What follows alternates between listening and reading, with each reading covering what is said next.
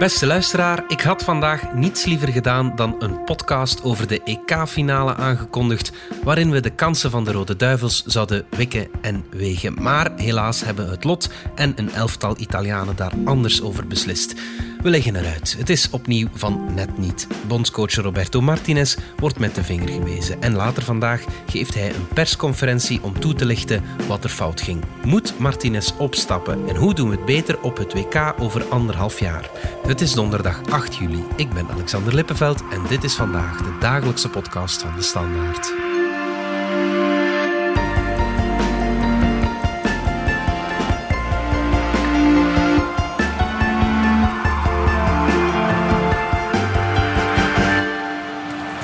Voorbij Tielemans. Gevaarlijk. Insigne. Ai, ai, ai, ai.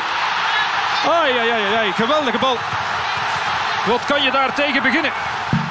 Nico Tange, onze sportredacteur, jij volgt voor ons het EK voetbal. En ik weet wel dat we het over de finale moeten hebben vandaag, maar eerlijk, ik ben er nog altijd niet over dat de Rode Duivels daar niet in staan. Ja, Alexander, ik eh, eerlijk gezegd ook niet. Ja, het is echt jammer. Hè? Ik zat die avond gewoon uh, thuis te kijken, geboeid te kijken, dat wel, maar uh, gewoon thuis. Jij zat in het stadion, hoe heb jij het beleefd? Ja, ik zat in de Allianz Arena natuurlijk. Er was heel veel sfeer, heel veel uh, Italiaanse supporters ook. die zaten wel meer verspreid dan de Belgische supporters, die allemaal achter één doel samenklitten. Ja. maar toch, ja, het was toch een, een, een halve thuismatch ja. voor de Italianen. Ik ben blij dat je dat zegt, Nico, want dat is in alle analyses wel onderbelicht gebleven. Hè? Ja, oké. Okay. Ja, ik wil dat wel geloven hoor maar ik denk niet dat het uh, daaraan lag. Nee, nee, nee. Ik las ook dat op het EK de ploegen in het wit vaak in het voordeel zijn. En Italië speelde in het wit. Ze waren niet de Azzurri zoals anders. Ja, Alexander, ik heb dat ook gelezen. Hè, maar uh, uh, het is blijkbaar een, een, voordeel als je in het wit speelt om elkaar blindelings op het veld te vinden. Maar eerlijk gezegd, ik denk niet dat het daaraan lag. Uh, de Italianen waren gewoon beter vrijdagavond. Well, the feelings are what you can imagine really sadness and disappointment because I don't think these players deserve to be out of of this tournament. They've done an incredible job to be prepared, to be ready, to go step by step every day from the beginning of the tournament. And unfortunately, today we faced a very good side. I thought it was two very good teams in in this knockout phase, and unfortunately, the margins didn't go in our favor. Dat was de analyse van bondscoach Roberto Martinez na de match. Twee even sterke ploegen, maar het geluk stond niet aan onze zijde. Volg je hem daarin?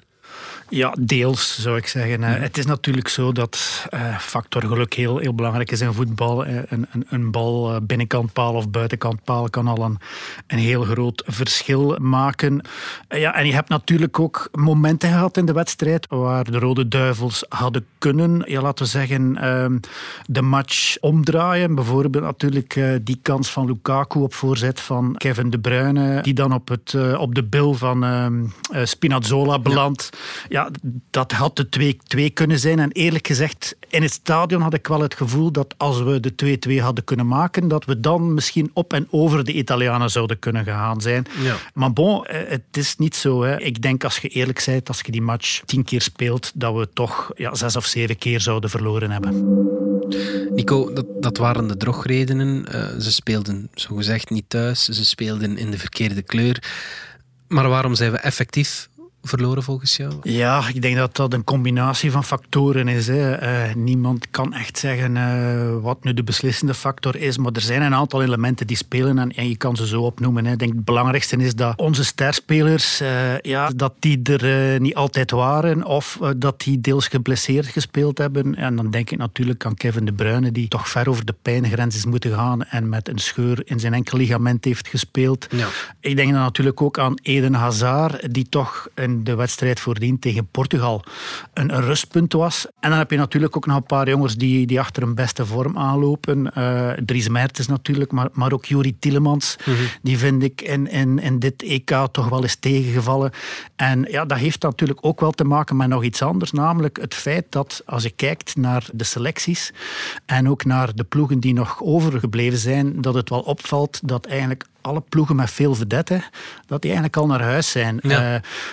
kijk nu bijvoorbeeld naar de halve finale Italië-Spanje. Bij geen van die twee ploegen zitten nog echte grote vedetten. Geen spelers die ja, bij Real Madrid spelen of die bij Manchester City spelen en 60 of 70 wedstrijden per seizoen moeten afwerken. Maar eerder spelers, bijvoorbeeld bij Italië, die bij Sassuolo spelen of bij Lazio Roma of bij AS Roma. Ja, en die gaan niet zo ver in de Champions League. Die hebben minder wedstrijden op een teller staan. En als je dan bijvoorbeeld kijkt naar, naar Jori Tielemans, ja, dat, dat was nu net de Rode Duivel die het meeste wedstrijden al had gespeeld. Misschien is de ploeg ook niet zo goed als we graag geloven, Nico. Je hebt natuurlijk wereldsterren als Kevin De Bruyne, Romelu Lukaku, Thibaut Courtois, Eden Hazard ook, maar die, die was niet in topvorm. Maar de anderen schieten we daar tekort? Wel, ik, ik denk dat we vooral uh, wat leepheid missen, wat hardheid. Ik, dat we soms te braaf zijn. Mm -hmm. Een smeerlapje in de ploeg zou ons eigenlijk deugd doen. Een type uh, René van der Rijken, uh, mm -hmm. als je die ooit hebt zien spelen voor de ik wat ouderen. maar dat was echt iemand die eigenlijk vanaf de eerste minuut van de wedstrijd de beste speler van de tegenstander viseerde. Mm. Maar hij probeerde die met alle middelen uit de wedstrijd te houden. een beetje trappen, wat soms een keer hard tackelen, wat comedie spelen. Um, en je ziet dat, dat sterke ploegen, sterke tegenstanders als Portugal en Italië dat wel doen. Hè. Als je ziet hoe Paulinha uh, de Bruyne heeft aangepakt, hoe Immobile bij de eerste goal van Italië als voor dood bleef liggen en zo Vermalen even uit concentratie bracht, waardoor dat Barella dan die actie kan maken ja. en, en, en, scoren. Ja, ook dat maakt soms het verschil. En bij mij geeft dat eigenlijk een, een, een dubbel gevoel. Enerzijds ben ik er trots op dat de duivels daar niet aan meedoen, maar anderzijds denk ik ook soms, moeten we dat ook niet meer doen? Ja. De tegenstander met gelijke munt betalen. Dat is toch, ja, zoals gezegd, uh, iets om over na te denken. En het is ook niet dat we ons mooie, prachtige voetbal van het WK van drie jaar geleden gespeeld hebben. Dus dat hadden we dan ook niet. Nee, nee, nee, nee, nee, nee net daarom. De analyse blijkbaar na de verloren halve finale tegen Frankrijk was zowel bij de spelers als bij de coach Martinez hebben dat samen besproken was dat we realistischer moesten spelen. Dat we eigenlijk meer zoals Frankrijk de wedstrijden moesten aanpakken. Pragmatisch. Verde pragmatisch, verdedigen, opportunistisch en dan met talent toeslaan. Maar wat hebben we gezien? We hebben gezien dat dat wel lukt tegen de iets mindere tegenstanders. Nee. Maar als we dan twee keer tegen een sterke ploeg komen, dat dat toch niet voldoende is. Ik lees ook veel analyses, Nico, die de vinger wijzen naar Roberto Martinez, de coach uh, ja, kijk, als ik één moment mij herinner van de wedstrijd tegen Italië, de kwartfinale, dan was het op het moment dat uh, Kevin De Bruyne hoog druk wilde zetten. -hmm. En hij dus teken deed naar zijn medespelers, kom, uh, we gaan de Italianen opjagen. Dat, dat slechts twee aanvallers hem hebben gevolgd. Dat was denk ik Lukaku en Doku. De rest van de ploeg, vooral het middenveld, bleef hangen. Mm. En ja, op dat moment worden die drie heel simpel uitgespeeld. Zie je eigenlijk Kevin De Bruyne zich terug terugkeren naar de rest van de ploeg, zijn armen in de lucht heffen, ten teken doende van ja, waar blijven jullie? Ja. En 30 seconden later krijgt Insigne de bal en is het uh, 2-0 en is de wedstrijd eigenlijk gespeeld. Ja, um, ja, ja. En, en ja, ik, ik, denk dan, ja, Martinez was toch gewaarschuwd hè, en hij is toch in de, in, in de val getrapt, want um, het valt toch op dat ja, de Rode Duivels altijd in problemen komen tegen ploegen die met veel energie en druk naar voren spelen. Um, en ik denk dan niet alleen aan Denemarken, uh, de eerste helft, waar we ook op dezelfde manier wat gespeeld waren, en Italië, maar bijvoorbeeld ook al Tsjechië uh, in de voorrondes van, van de komende WK in Qatar. Daar ja. hebben we ook 1-1 gelijk gespeeld. Ook die zetten hoog druk. En ja, uh, eigenlijk om daar een oplossing voor te vinden, ja, die oplossing ligt vooral bij de trainer. Een topploeg die wil wereldkampioen of Europees kampioen worden, die, die heeft volgens mij een toptrainer ja. nodig. En Martinez heeft wel heel veel goede dingen gedaan, maar, maar een match doen kantelen met een tactische ingreep, dat doet hij volgens mij te weinig. Ik denk dat we dat missen, echt zo'n topcoach die gedurende de wedstrijd, niet, de basisopstelling van Martinez vond ik niet fout, mm -hmm. maar gedurende de wedstrijd een wedstrijd kan analyseren, zien waar het fout loopt en dan ingrijpen. Ja. Um, en, en, en dat is wat we missen. Maar ik moet er wel aan toevoegen, dat is niet de volledige verklaring. Hè. We hebben al een aantal redenen aangehaald ja. uh, die ook meespelen. En Ik vind dan ook, om, om dan nu alle schuld op Martinez te steken, dan ook weer een brug te ver. Eh, de hardere kritiek die er nu is, dat is ook typisch sportjournalistiek. Als de ploeg wint, is de sky the limit. Als ze verliezen, is niks nog goed. Ik vind dat vaak overdreven en daar weiger ik dan ook als journalist blind in mee te gaan. Ik denk dat het toch allemaal ietsje genuanceerder ligt. We hebben Martinez de afgelopen jaren wat op een piedestal gezet. Hij was de coach die ons eh, naar succes zou leiden. Maar onmiddellijk na de match uh, ging het over de toekomst van Martinez. Hij wou het daar niet over hebben in een persconferentie. This is a moment that is very, uh, very difficult to speak anything else than, than, than the, the defeat and that we are out of the Euros. Um, as, as I say, at the moment it's still too raw and I don't want to say anything that it could be emotional. Uh, at the moment, all I want to do is look back into this tournament, and I would say that the players done nothing wrong. It's the opposite. They did everything they could to to get us as far as we can, and now is is the time to analyze and to assess. But uh, at the moment, mm, the feelings of disappointment and sadness, unfortunately, is is what um, is in in my head now. Hij zegt dat hij te bedroefd was om te praten. Zou je niet beter iets zeggen? Ja, ehm, dat is logisch. Hè, na, na, na zo'n match dat, dat de ontgoocheling het dan uh, overneemt. Ehm, eh, aan de andere kant, ehm, een, een, persconferentie geven de dag nadien had toch ook wel gekund. Hè. Ik begrijp ook dat, uh, en ik, ik, had ook die vraagtekens, ja, waarom, waarom kritische vragen uit de weg gaan de dag nadien als, als toch de onthoogeling al, al een beetje is gezakt. Ja. Maar bon, weggaan, ik denk het niet. Hè. Dus ik denk niet dat uh, Martinez zal vertrekken als bondscoach. En, en daar zijn een heel aantal redenen voor. Mm Eerste is vooral dat hij een heel goede band heeft met heel wat topspelers in deze selectie. En om Lukaku en Eden Hazard maar niet te noemen, hij is er eigenlijk een soort vaderfiguur voor, weet hem psychologisch als geen ander te motiveren. Maar eh, er zijn ook andere dingen die spelen. Hij heeft bijvoorbeeld ook een heel zwaar contract. Hij verdient 3 miljoen euro per jaar. En na de laatste contractverlenging is daar ook een hele hoge uh, ontslagclausule in opgenomen. Wat betekent als de Belgische voetbalbond hem zou willen ontslaan, dat ze natuurlijk heel veel geld hadden moeten betalen. Bovendien ja, zou, zou ook de timing van zo'n ontslag heel slecht vallen, want er is op dit moment een soort machtsvacuum bij de Belgische voetbalbond, want de bondsvoorzitter Mehdi Bayat heeft net voor dit EK laten weten dat hij ermee stopt. Hij is zelfs niet uh, meegegaan met de Rode Duivels op dit EK. En ja, stel dat dan bijvoorbeeld Martinez zou ontslagen worden, wie gaat dan de onderhandelingen gaan voeren met de nieuwe kandidaat eh, bondscoach? Ja. Uh, de enige ja, mogelijkheid zou zijn dat, dat Martinez zelf opstapt. Maar ook dat is onwaarschijnlijk, want voor het EK waren er geruchten dat hij zou overstappen naar, uh, naar een topclub in de Premier League of in de Spaanse La Liga. Tottenham werd onder andere genoemd. Eh, maar ik denk na de wedstrijd tegen Italië dat toch ook daar wel twijfels zullen gerezen zijn. Dus ik zie hem niet zo snel uh, naar, uh, een overstap maken naar een clubelftal. Mm. wat dan wel eventueel zou kunnen, is een overstap naar een ander groot voetballand. En dan dacht ik vooral aan Nederland. Oef. Omdat ja, Martinez staat bekend als een heel grote Cruyff-adept. Hij is heel goed bevriend met de zoon van uh, Weilen Johan Cruyff, namelijk met Jordi Cruyff. Ja.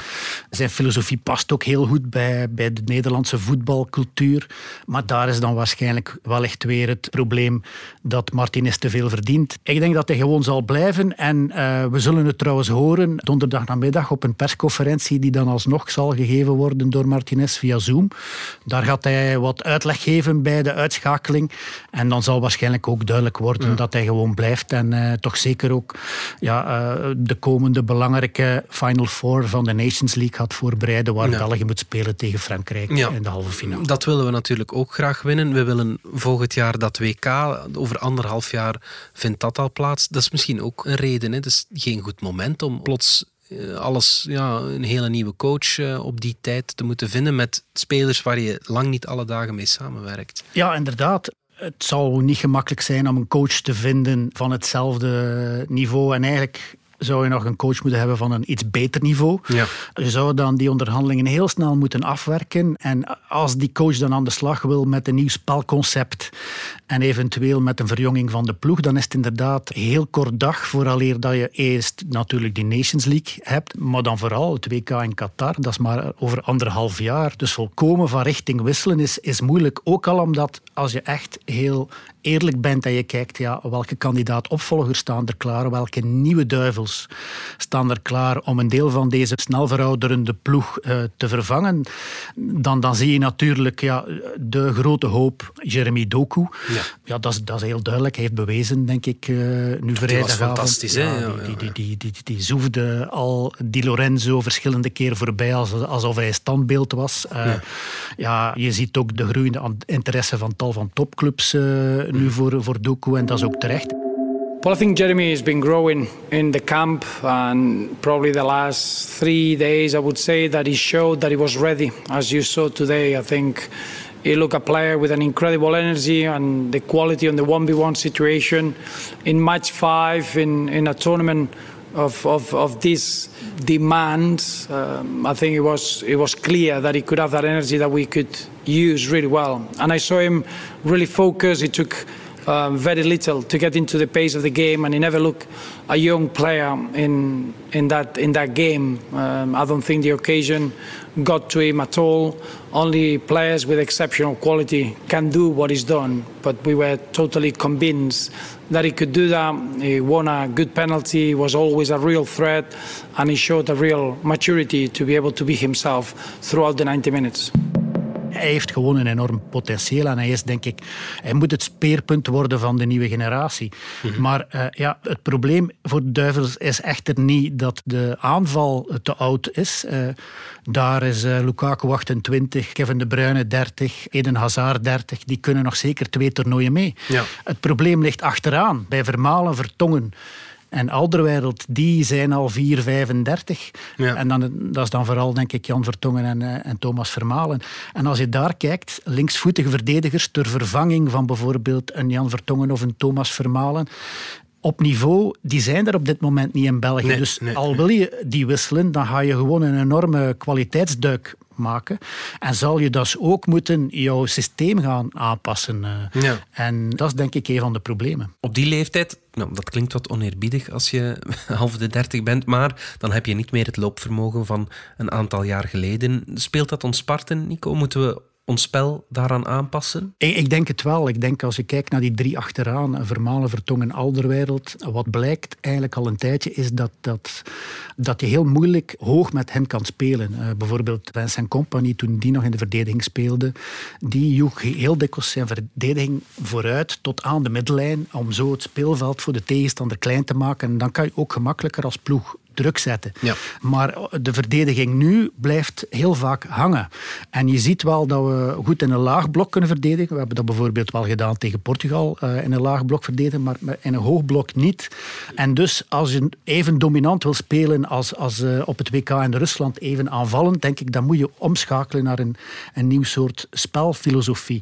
En dan denk ik vooral, uh, dan moet je misschien meer met de Handse ploeg hoog druk zetten, overschakelen op het hoge intensiteitsvoetbal voetbal à la Chelsea. En het, het voetbal dat bijvoorbeeld een ploeg als Italië, een ploeg als Denemarken op dit EK elke wedstrijd weer toont. De, mhm. de tegenstander geen seconde de tijd gunnen om na te denken wat hij met die bal gaat doen. En ja, uh, um, dat is ook attractief. Dat is, dat is ook op, op, op een bepaalde manier zeer aanvallend. Maar dan denk ik, ga je toch een aantal ja, wisselingen moeten doen. Kan je niet meer die 3-4-3 spelen die Martinez nu speelt. Moet je misschien een mhm. aantal andere spelers, jongere spelers in de ploeg inpassen. Spelers met een groot loopvermogen. Aan wie denk je dan? Uh, ja, ik denk dan bijvoorbeeld aan Charles de Keteraar bij Club Brugge, die moet dat zeker kunnen. Maar ik denk ook aan vooral bijvoorbeeld aan Alexis Salemakers van AC Milan, die eigenlijk al op die manier speelt. Dat is ook iemand met een enorm groot loopvermogen. En je ziet meer en meer een, een, ja, een kanteling gebeuren in het topvoetbal naar dat soort spelers. Ja. En als je dan een coach hebt die daar een, blok kan van kneden, zodanig dat, dat je niet meer zoals het voorbeeld dat ik gaf uh, met Kevin De Bruyne. Drie spelers die druk gaan zetten en de rest die achterblijft. Maar je moet, als je compact als blok constant druk kan zetten, zoals de Oostenrijkers ook hebben gedaan tegen de Italianen, dan denk ik gaan uw aanvallende spelers, zoals Lukaku, uh, Kevin De Bruyne, Doku, ook in balbezit komen veel dichter bij het vijandelijke doel. Daardoor ook heel veel makkelijker kansen kunnen creëren. En daardoor ga je ook veel gevaarlijker zijn. Als je natuurlijk verdedigt in een laag blok, dan ga je daar net voor je eigen 16 de bal kunnen recupereren. Het is nog een hele lange weg ja. vooraleer dat je aan de 16 van de tegenstander komt. Dus hoe hoger je die bal recupereert, dat is ook de, eigenlijk de filosofie van Jurgen Klopp bij, bij Liverpool. Ja. Ja, hoe, hoe, hoe meer kansen je afdwingt. En ik denk dat we misschien daar naartoe moeten. Maar ik vraag mij af of, of Martinez dat wil. En of Martinez dat kan, dat zal dan moeten blijken. Hè. Uh, gaat hij durven overschakelen? Hij zal dat ook moeten bespreken met zijn belangrijkste spelers. Want je kan dat niet doen tegen de wil van, van jouw belangrijkste spelers. Maar dat is denk ik wel een, een evaluatie die ze moeten maken intern. Want ik vind niet dat Martinez moet opstappen, maar hij moet wel zichzelf kritisch analyseren en kijken moet ik mijn ja, systeem niet aanpassen, mijn werkwijze? Moet ik een assistentcoach zoeken die mij kan helpen, die hoog in de tribune zit en die mij kan helpen om tijdens een wedstrijd, als er tactisch iets fout loopt, om sneller in te grijpen? Mhm. ja, op die manier denk ik kan je wel jouw staf verbeteren, jouw winstkansen verhogen en dan, en dan hopelijk ja, in Qatar wel oogsten. Ja, oké. Denk je dat dat zal lukken, Nico? Worden we volgend jaar wereldkampioen? Wel, in voetbal kan alles. Dus wat dat betreft uh, hoop ik samen met jou dat het de volgende keer wel lukt. Goed, Nico Tange. Dank je wel. Dit was vandaag de dagelijkse podcast van De Standaard. Bedankt voor het luisteren. Reageren kan via podcast.standaard.be. Alle credits vind je op standaard.be-podcast. Morgen zijn we opnieuw.